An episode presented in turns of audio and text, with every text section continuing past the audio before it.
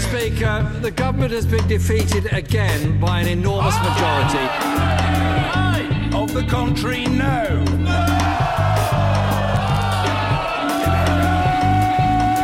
Order. Order. Du lytter til Brexit-bonanza i opplysningen 99,3 på Radio Nova. Brexit oppfattes av mange som en utrolig langvarig og komplisert prosess. Og med daglige forsider om utsettelser, forsinkelser, avstemninger og kaos, er det vanskelig å henge med på hva som skjer, og hva som har skjedd. Her kommer en tidslinje over hva som har skjedd i Storbritannia siden brexit-avstemningen.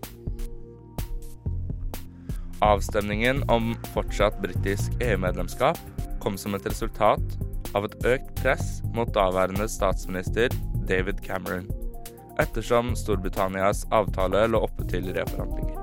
Cameron og det konservative partiet lovte derfor at dersom det ble gjenvalg under valget i 2015, skulle de avholde en folkeavstemning innen slutten av 2017. Folkeavstemningen ble avholdt 23.6.2016 med spørsmålet Should Britain remain a member of the European Union or leave the European Union? 51,89% av befolkningen stemte for at de skulle gå ut av unionen. Og Cameron erklærte kort tid etter at han ville gå av som statsminister, og ble erstattet av Theresa May 13.07 samme året, bare 20 dager etter folkeavstemningen. Mars 2017 vedtok det britiske parlamentet en lov som ga regjeringen fullmakt til å forhandle frem en avtale med EU. Og 29.3.2017 ble artikkel 50 iverksatt, som ga Storbritannia to år på å utarbeide en avtale med mål om utmelding 29.3.2019. 15.1.2019 ble avtalen fremlagt for det britiske parlamentet og nedstemt med 230 stemmer. En lett revidert utgave av avtalen ble fremlagt 24.2, men også denne ble nedstemt. Siden det ikke var noen enighet om en avtale, stemte det britiske parlamentet 12.3 over en utsettelse av avtalen.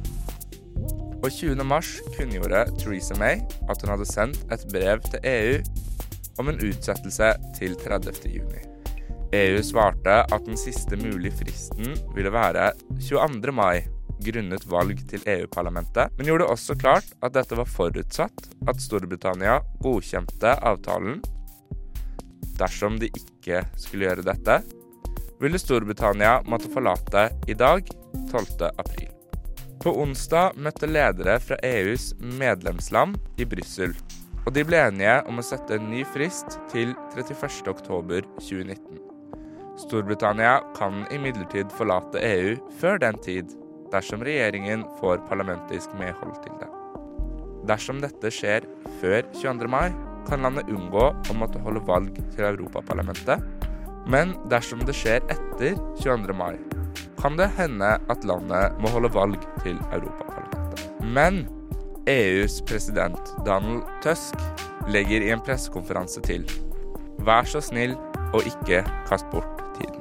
Dermed forlater ikke Storbritannia EU i dag 12. april, men med utfordringene i bakhodet er det ikke en lett oppgave de har foran seg.